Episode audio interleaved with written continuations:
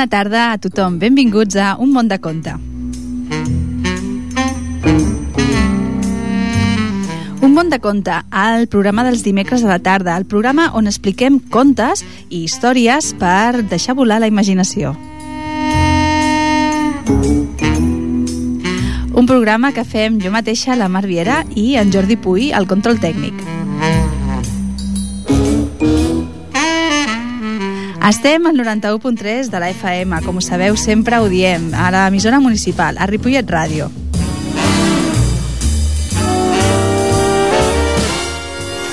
I també ens podeu escoltar a www.ripolletradio.cat.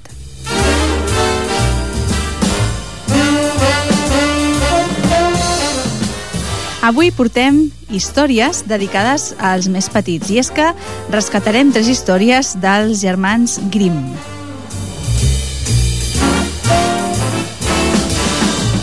Els títols d'aquestes històries molt coneguts. El els músics de Bremen, Hansel i Gretel i Rapunzel.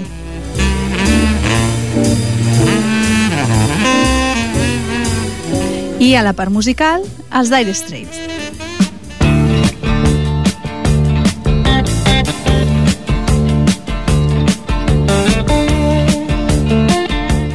Els Dire Straits, que és una banda de rock britànica que va ser fundada l'any 1977 per Mark Knopfler, potser el més conegut perquè és la guitarra i la veu d'aquesta banda, en David Knopfler a la guitarra també, en John Isley al baix i en Pete Withers a la bateria. Uh, aquesta banda va ser dissolta l'any 1995 però van, tornar, van tornar a tocar, bueno, tenen previst uh, tornar a tocar pel 2013. Avui ens acompanyaran a Un munt de conte.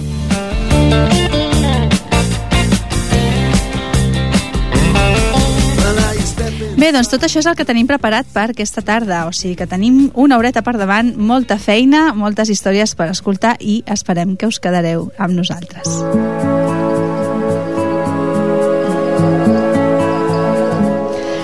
Ja havíem dedicat algun programa als contes dels, musi... Ai, perdó, dels germans Grimm. Ja havíem dit que ells el que feien no era escriure contes, sinó adaptar versions de contes populars i fer-les, doncs bé, conegudes arreu del món. Els contes de Grimm són uns dels contes més famosos. Us explicaré ara algunes curiositats dels contes de les històries que hem preparat per aquesta tarda. La primera, que és la dels músics de Bremen, doncs és un conte molt popular a la ciutat de Bremen, evidentment. Uh, L'opció de ser músics era quelcom mm, doncs, molt utilitzat quan no hi havia cap altra feina, quan no hi havia recursos. Els personatges del conte, que són animals, finalment sembla que no acaben conformant una banda de música i ni tan sols cap dels animals acaba sent músic de forma individual. Uh, a la primera versió del conte, però, ni tan sols s'anomenava la ciutat de Bremen. Però l'any 1953, i degut doncs, a la popularitat de la història, eh, es va col·locar una estàtua en honor dels músics del conte al costat de l'Ajuntament. Per tradició, es creu que el fet de tocar les potes de davant de l'asa porta sort i, si mentrestant es demana un desig, aquest es compleix. Tant és així que amb el pas del temps les puntes de les potes de l'asa s'han tornat ben brillants. Els músics, juntament amb el Roland de Bremen, s'han convertit en l'emblema de la ciutat. La segona història que teníem preparada és la de Hansel i Gretel, eh, o també coneguda com la caseta de xocolata. Doncs bé, aquest eh, conte mm, parla mm, d'un tema doncs, bastant dur. Eh? Parla de l'intent d'infanticidi o d'abandonar els nens per no compartir el menjar. Mm, en aquesta ocasió doncs, també per manca de recursos. És un tema que apareix a diverses històries i sembla tenir un origen real a la fam de finals de l'edat mitjana. S'afirma que s'usa aquest motiu moltes vegades per, per espantar els nens i instal·lar-los a comportar-se bé. Eh? És a dir, quan hi ha nens que no es porten malament, doncs de vegades fa, es fa servir aquest recurs, ja que els infants petits temen per damunt de tot l'abandonament dels pares.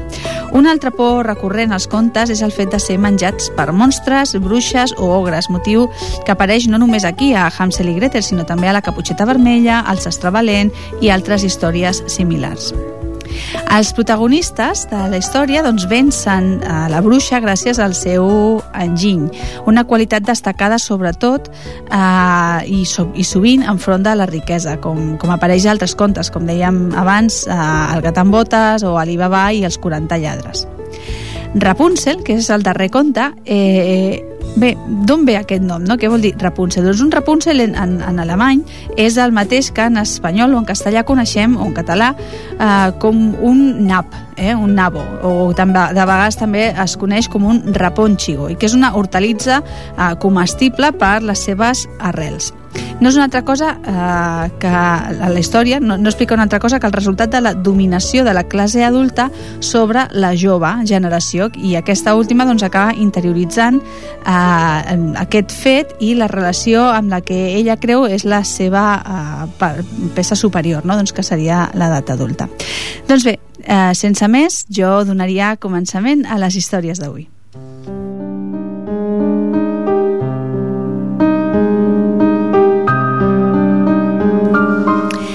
Els músics de Bremen. Hi havia una vegada un assa que s'havia passat la vida portant sacs de blat al molí. Un dia, el seu amo va pensar que l'assa ja era vell, que no servia per la feina que li havia, i que l'havia d'eliminar. L'assa, que no era gens beneit, va endevinar les intencions del seu amo i va decidir anar-se'n a la ciutat de Bremen a veure si el contractaven com a músic, perquè sabia tocar el llaüt molt bé. A mig camí va trobar un gos que semblava esgotat Bon dia, gos, el va saludar l'assa. Sembles molt cansat. Sí que ho estic, va contestar el gos. El meu amo em vol matar perquè diu que ja no serveixo per vigilar la casa i m'he escapat. He corregut molts quilòmetres sense descansar, però ara no sé què fer per guanyar-me el pa. A mi m'ha passat una cosa semblant, va replicar l'assa. Me'n vaig a Bremen a veure si trobo feina de músic. Tu podries tocar el timbal. Vols venir amb mi? El llaüt i el timbal poden formar un duo fantàstic. El gos va dir que sí, i van seguir caminant junts. Al cap d'una estona van trobar un gat que semblava afamat. Bona tarda, gat, li van dir. Fas cara de tinigana. Em menjaria cent ratolins de cop, va contestar el gat. Ja fa uns quants dies que no he menjat res, perquè vaig haver de fugir de casa. La meva mestressa va dir que ja no servia per caçar i em volia ofegar. Nosaltres anem a Bremen a treballar de músics, va explicar l'asa. Tu saps miolar molt bé. Vols venir amb nosaltres? El gat va dir que sí, i van seguir caminant tots tres fins que, en passar al costat d'una granja, van sentir un gall que cantava tan fort com podia dalt de la tanca. Puc saber per què fas tant soroll en aquestes hores? li va preguntar l'asa. Perquè estic desesperat. La meva mestressa ha manat que em tallin el coll i que em cuinin amb sanfaina per la festa de demà. Tens una veu excel·lent. Vols formar una banda de música amb nosaltres? Anem a Bremen. Allà trobarem feina. El gall hi va estar d'acord i tots quatre animals van seguir junts al camí. Quan es va fer de nit, estaven molt cansats i volien passar la nit sota cobert, de manera que el gall es va enfilar en una branca alta. Va veure una llum llunyana i va adreçar els seus companys cap allà. En arribar-hi, van veure que era un vell casalot mig enronat. L'asa, que era més alt, va mirar per la finestra i va veure uns bandits que sopaven esplèndidament a la sala. «Nois», va dir, «hem de fer sortir aquests bandits d'aquí dintre». Llavors l'assa va repenjar les potes de davant a l'àmpit de, la, de la finestra. El gos se li va enfilar l'esquena. El gat es va posar damunt del gos i el gall, d'una volada, es va enfilar al llom del gat. Un cop ben col·locats, van començar a cridar amb totes les seves forces. L'asa bramava, el gos bordava, el gat miolava i el gall cantava i així, enmig d'un guirigall enorme, van entrar de cop a la casa trencant els vidres d'una finestra. Els bandits es van espantar tant que van fugir corrents sense aturar-se a mirar què passava. Els quatre animals van menjar fins a quedar farts, van apagar els llums i se'n van anar a dormir, cadascun al racó que li va agradar més. A mitjanit, els bandits van veure que no hi havia llum a la casa i al cap hi va enviar un home perquè esbrinés què havia passat. L'home va entrar a la cuina i va veure dos punts brillants al costat de la llar. Pensant que eren braces, hi va costar un llumí per encendre la llar. Però no, no eren braces, sinó els ulls del gat, que en notar el llumí va començar a esgarrapar l'intrus i a esbufejar com un boig. El bandit, terroritzat, va voler fugir, però en travessar la porta, el gos se li va tirar al damunt i li va clavar els ullals en una cama.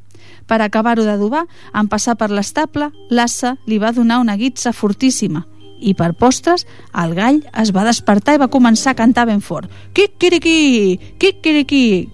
El bandit, esgarrapat, mossegat, coix, coix per la guitza i aixordat, va aconseguir tornar amb els seus companys. Quin horror, es va dir. A la cuina hi havia una bruixa malvada que m'ha clavat les ungles esbufegant sense parar. Després a la porta, un home se m'ha tirat a sobre i m'ha clavat un ganivet. A més, en passar per l'estable, un negre gegantès m'ha clavat una pinya enorme. I per acabar-ho d'adobar, un jutge cridava sense parar «Porteu-lo aquí! Porteu-lo aquí!» Els bandits es van espantar tant que mai no es van tornar a acostar al vell casalot. Per tant, els quatre animals es van quedar a viure allà i es van dedicar tranquil·lament a la música la resta de la seva vida. I conte contat, ja està explicat.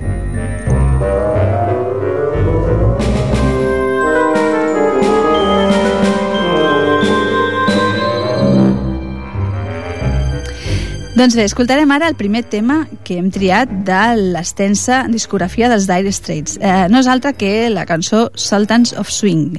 Aquest va ser el primer senzill de la banda britànica dels Dire Straits i formava part de l'àlbum de l'àlbum del seu mateix nom, Dire Straits, i es va començar a vendre l'octubre de 1978.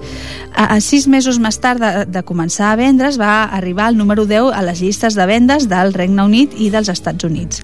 En aquest tema, doncs, eh, es parla d'una història, de la història d'una banda que toca en un característic pub al sud de Londres. I a la seva lletra en Mark Knopfler doncs, descriu a la perfecció l'escena en un petit bar amb el públic minoritari i entregat on es tocava una música doncs, poc habitual per a aquell moment.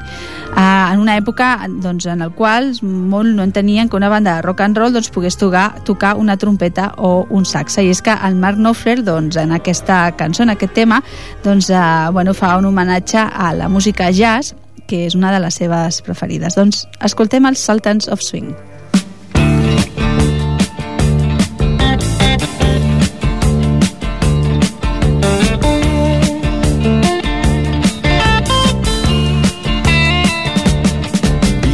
Shiver in the dark, it's raining in the park, but meantime Sound of the river, you stop and you hold everything Band is blowing Dixie, double fall time. You feel alright when you hear the music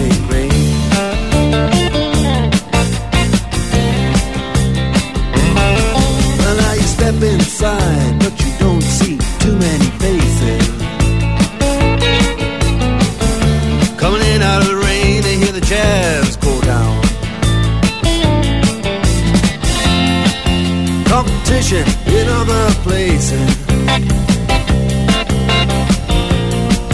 But the horns, they blowing that sound. Way on down south. Way on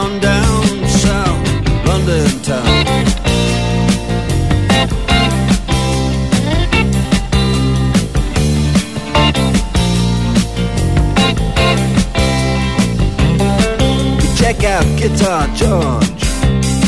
He knows all the chords. But he's strictly rhythm, he doesn't wanna make it cry or sing. If then an old guitar is all he can afford. When he gets up under the lights to play his thing.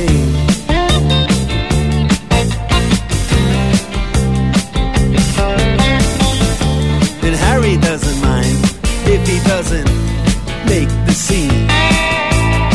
He's got a daytime job, he's doing alright. He can play the honky tonk like anything. Saving it up Friday night. With the Sultans the sultans of swing.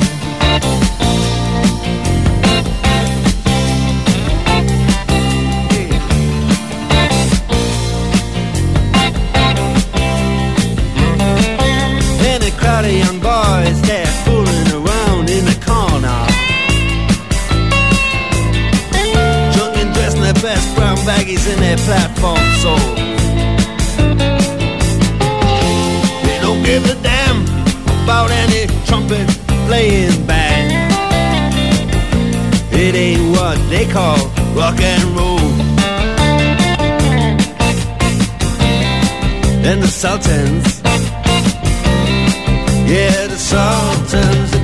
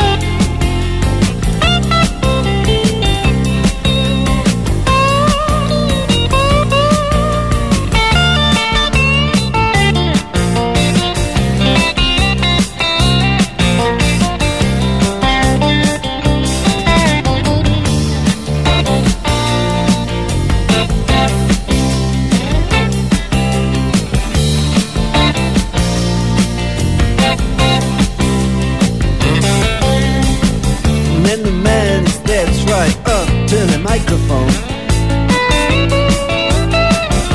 and says at last, just as the time bell rings, Good night, now it's time to go home. Then he makes it fast with one more thing. We are the Sultans.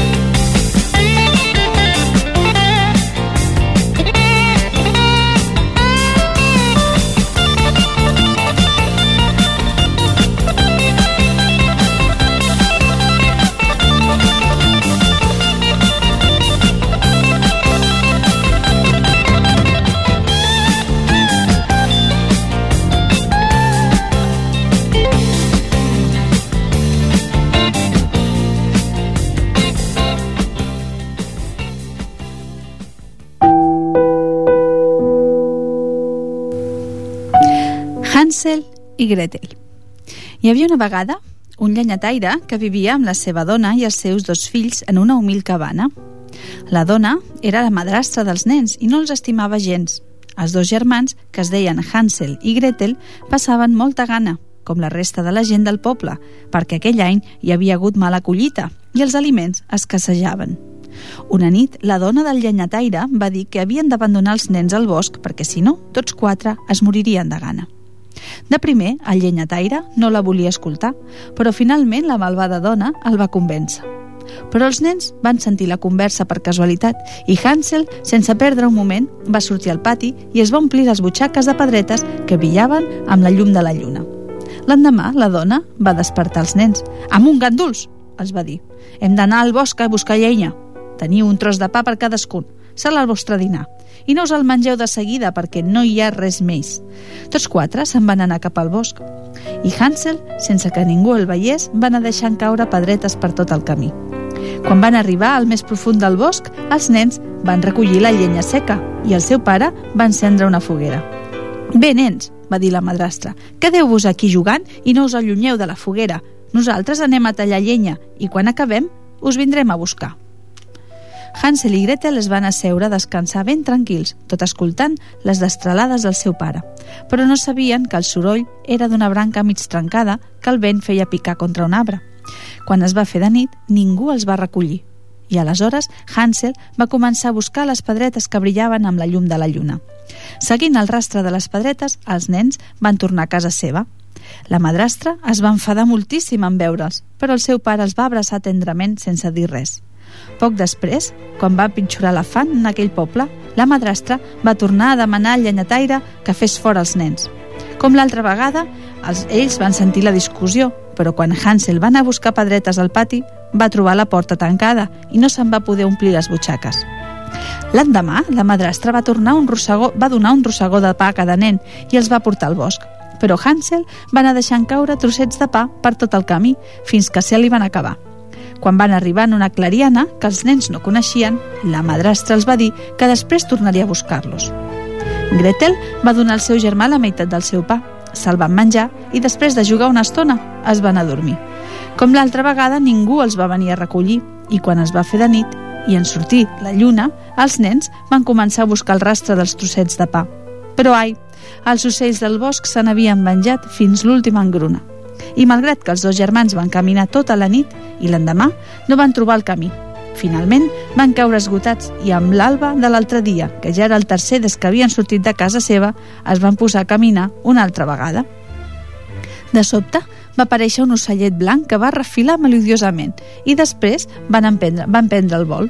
Hansel i Gretel el van seguir fins que es va posar damunt la teulada d'una casa. Els nens s'hi van acostar i van veure que la casa estava feta de massa pa, la teulada de pa de pessic, la porta de xocolata i les finestres de sucre. Oh! va exclamar Hansel. Això sí que serà un banquet! Van arrencar una teula de la teulada, la van tastar i mentre menjaven, una veu suau que sortia de la casa va dir «Caram, caramí, carameta, qui ha colpejat la meva caseta?» I els nens va contestar «Caram, caramí, carameta, el vent la teulada colpeja». Els nens van seguir menjant ben tranquils fins que la porta es va obrir de cop i una àvia va aparèixer al llindar. Hansel i Gretel es van espantar tant que el tros de finestra que s'estaven menjant els va caure a terra. Estimats nens, va dir l'àvia amb veu suau, com heu arribat fins aquí? Deveu estar cansats? Veniu, veniu, no tingueu por. La velleta els va convidar a berenar uns deliciosos entrepans de formatge i codonyat i unes galetes que estaven boníssimes. Quan els nens es van haver atipat, els va ensenyar dos llitets tous i nets i els dos germans es van adormir pensant que eren a la glòria. Però la velleta bondadosa era en realitat una bruixa que treia els nens oferint-los dolços i llaminadures i després es tancava per menjar-ses a la brasa. Així doncs, l'endemà la bruixa es va acostar molt decidida al llit de Hansel, va agafar la mà del nen d'una revolada i amb una forta estrabada el va tancar en una gàbia de gruixuts barrots de ferro. Després va despertar Gretel i cridant i la va enviar a buscar aigua per preparar el menjar del seu germà. A treballar, gandula! Va exclamar la bruixa. Engreixaré el teu germà i quan estigui ben grassonet me'l menjaré senceret. La pobra Greta les va posar a plorar, però no tenia altre remei que obeir la bruixa. Cada matí, la bruixa s'acostava a la gàbia de Hansel, li deia que tragués un dit per entremig dels barrots i el tocava per veure si ja s'havia engreixat prou.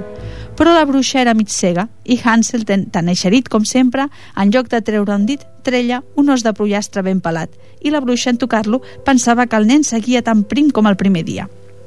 Al cap d'un mes, la bruixa es va cansar d'esperar que Hansel s'engreixés i va manar a Gretel que anés a buscar aigua per coure el seu germà aquell matí mateix. Gretel es va posar molt trista i, plorant sense parar, va anar al riu a buscar aigua. Llavors la bruixa li va manar que entrés al forn a veure si ja estava calent encara que, de fet, la volia tirar dins i menjar-se la guisada com un gall d'indi de Nadal. No sé com si entra al forn, va dir la Gretel, que havia après moltes coses aquell mes i sabia el que la bruixa volia fer. Per què no m'ho ensenya vostè? Oh, quina nena més beneita, va replicar la bruixa. Fixa-t'hi bé, bleda! Llavors la bruixa va ficar el cap a la porta del forn on ballaven enormes llengües de foc i Gretel li va donar una empenta. La bruixa va caure dins del forn i la nena en va tancar la porta ben de pressa. La, bruida, la bruixa cridava, però Gretel no li va fer cas i va anar corrent a deslliurar el seu germà. «Estem salvats!» li va dir emocionada. «Anem a casa!» Hansel va sortir de la gàbia content com unes pasques i va abraçar la seva germana que li havia salvat la vida. Abans de marxar, van registrar la casa de la bruixa i van agafar tots els tresors que van poder. Com que Gretel ja coneixia millor el bosc després d'haver estat un mes ajudant la bruixa, va trobar el camí de seguida. Quan van arribar a casa seva, van trobar el seu pare desconsolat perquè no deixava de recordar els seus fills i plorava amargament. A més, la madrastra se n'havia anat i l'havia deixat tot sol amb la seva pena. Els nens, plens d'alegria, van abraçar el seu pare i des d'aleshores van viure tots tres molt feliços perquè ja mai més no van tornar a passar gana gràcies al tresor que Hansel i Gretel van trobar a la caseta de Massapà.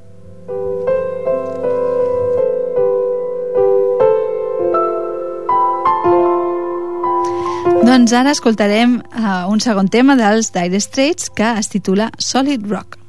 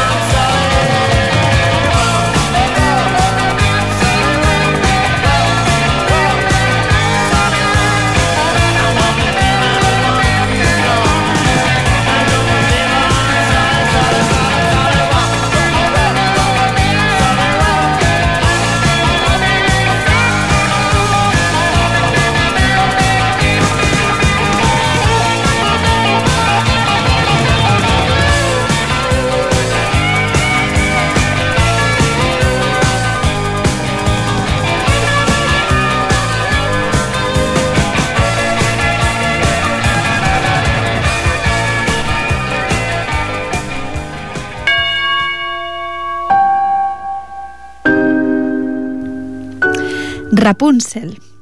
Hi havia una vegada un jove matrimoni que vivia feliç en una bonica casa amb balcons des d'on es veia l'hort del costat. L'hort pertanyia a una estranya mansió envoltada d'una paret alta on vivia una vella bruixa. Un dia, des del balcó de casa seva, l'esposa va veure uns raves molt apetitosos a l'hort i va sentir un fort desig de tastar-los.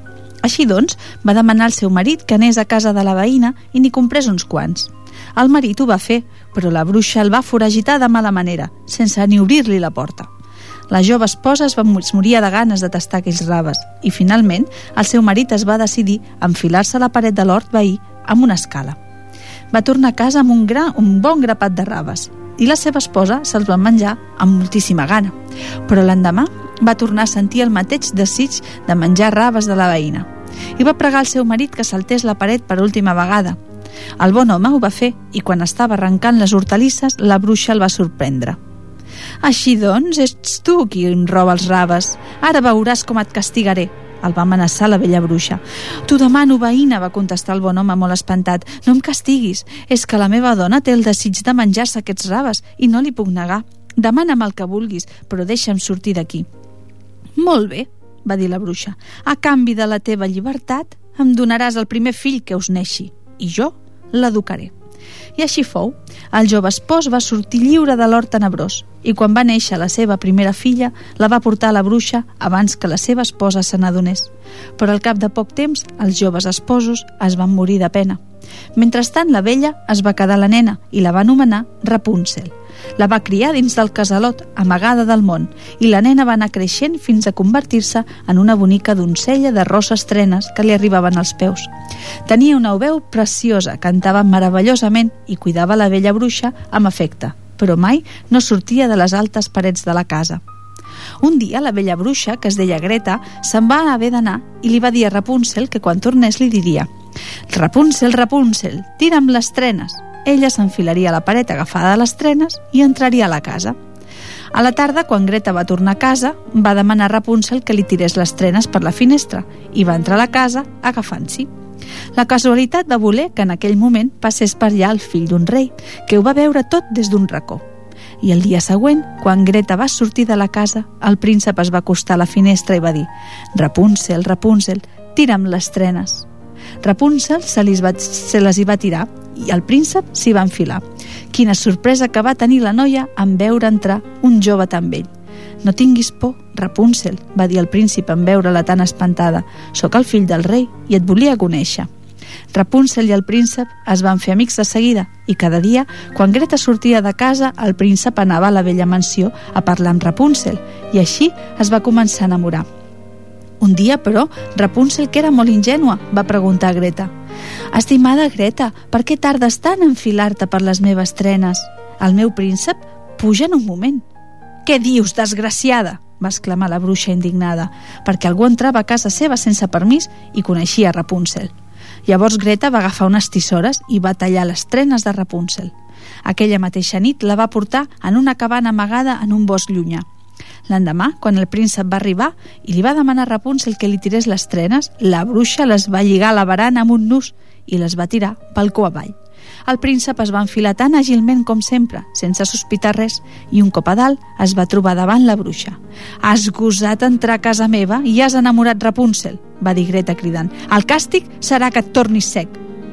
El príncep, que no s'ho esperava, va tantinejar i va caure damunt uns esbarzers, amb tan mala sort que es va clavar dues espines als ulls i es va quedar sec. Va sortir com va poder de l'or maleït i va arribar al palau del seu pare, on va plorar amargament, més per haver perdut Rapunzel que per haver perdut la vista. El rei va cridar tots els metges del regne, però cap no va poder curar la ceguera del, seu, del príncep. Però sé qui tot, ell va seguir entossudit a buscar la seva estimada, fins que un mal dia es va quedar postrat al llit, ja sense força per aixecar-se i seguir buscant-la.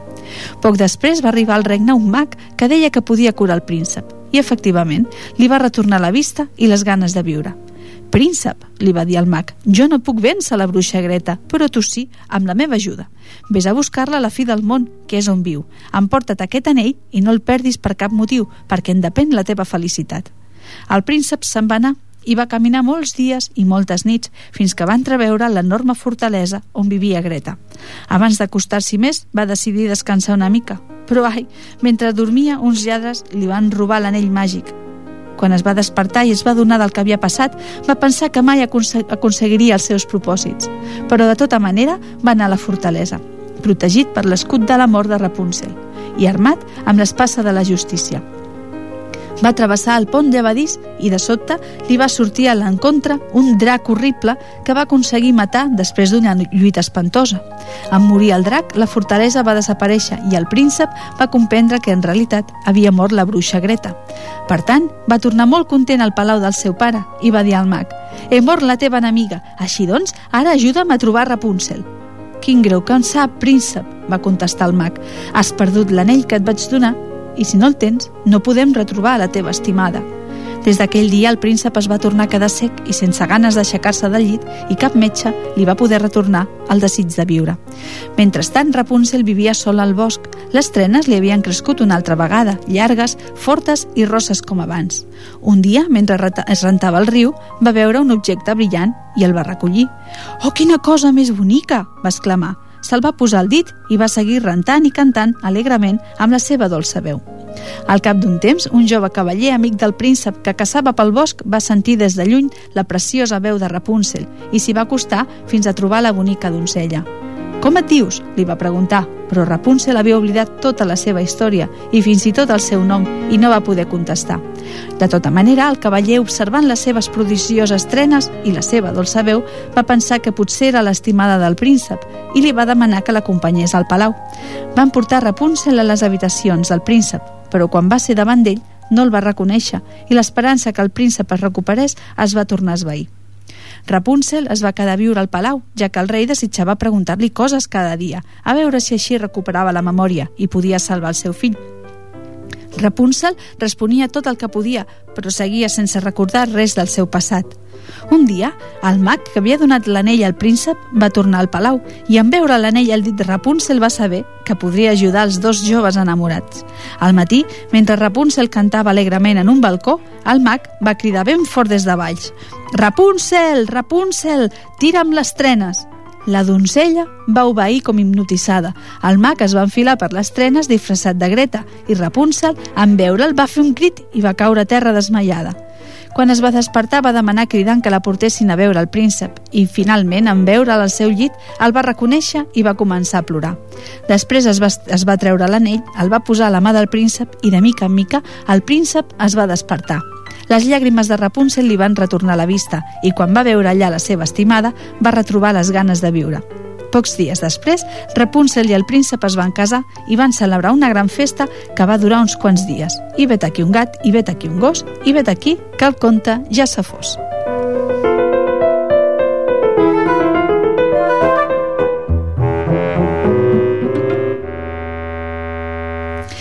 Doncs bé, escoltarem un altre tema dels Dire Straits. Aquest es titula Tunnel of Love.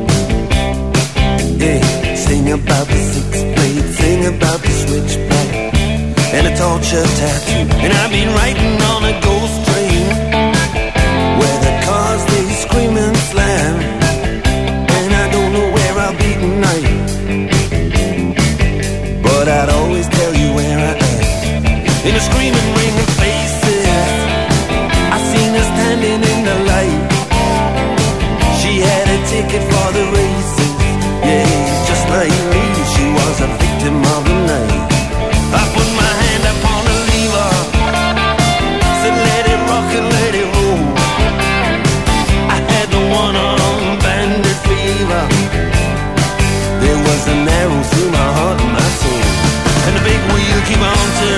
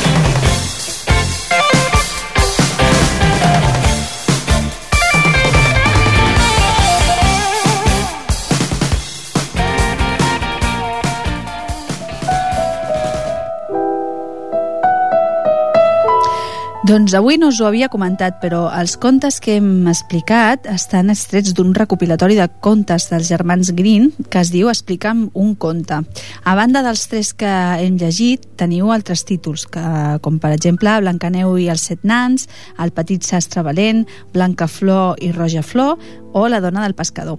Aquest és el tercer volum d'aquesta col·lecció i tenim eh, el primer volum i el segon, on també hi ha doncs, contes dels germans Grimm, eh, els, Follet, i els Follets, Les tres cabretes, La princesa i el pèsol, La pedra foguera màgica, en fi.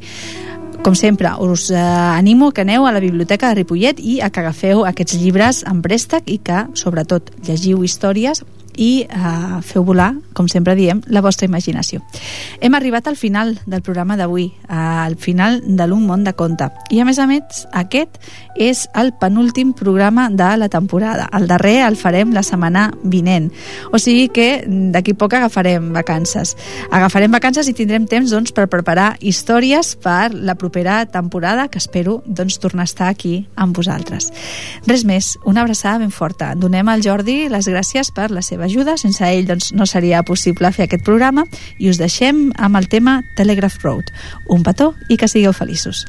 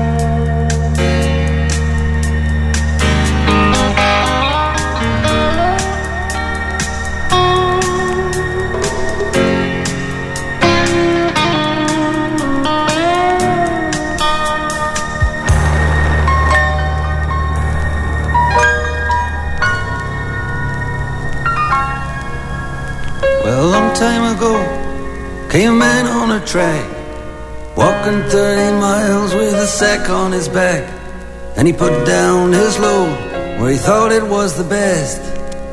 Made a home in the wilderness.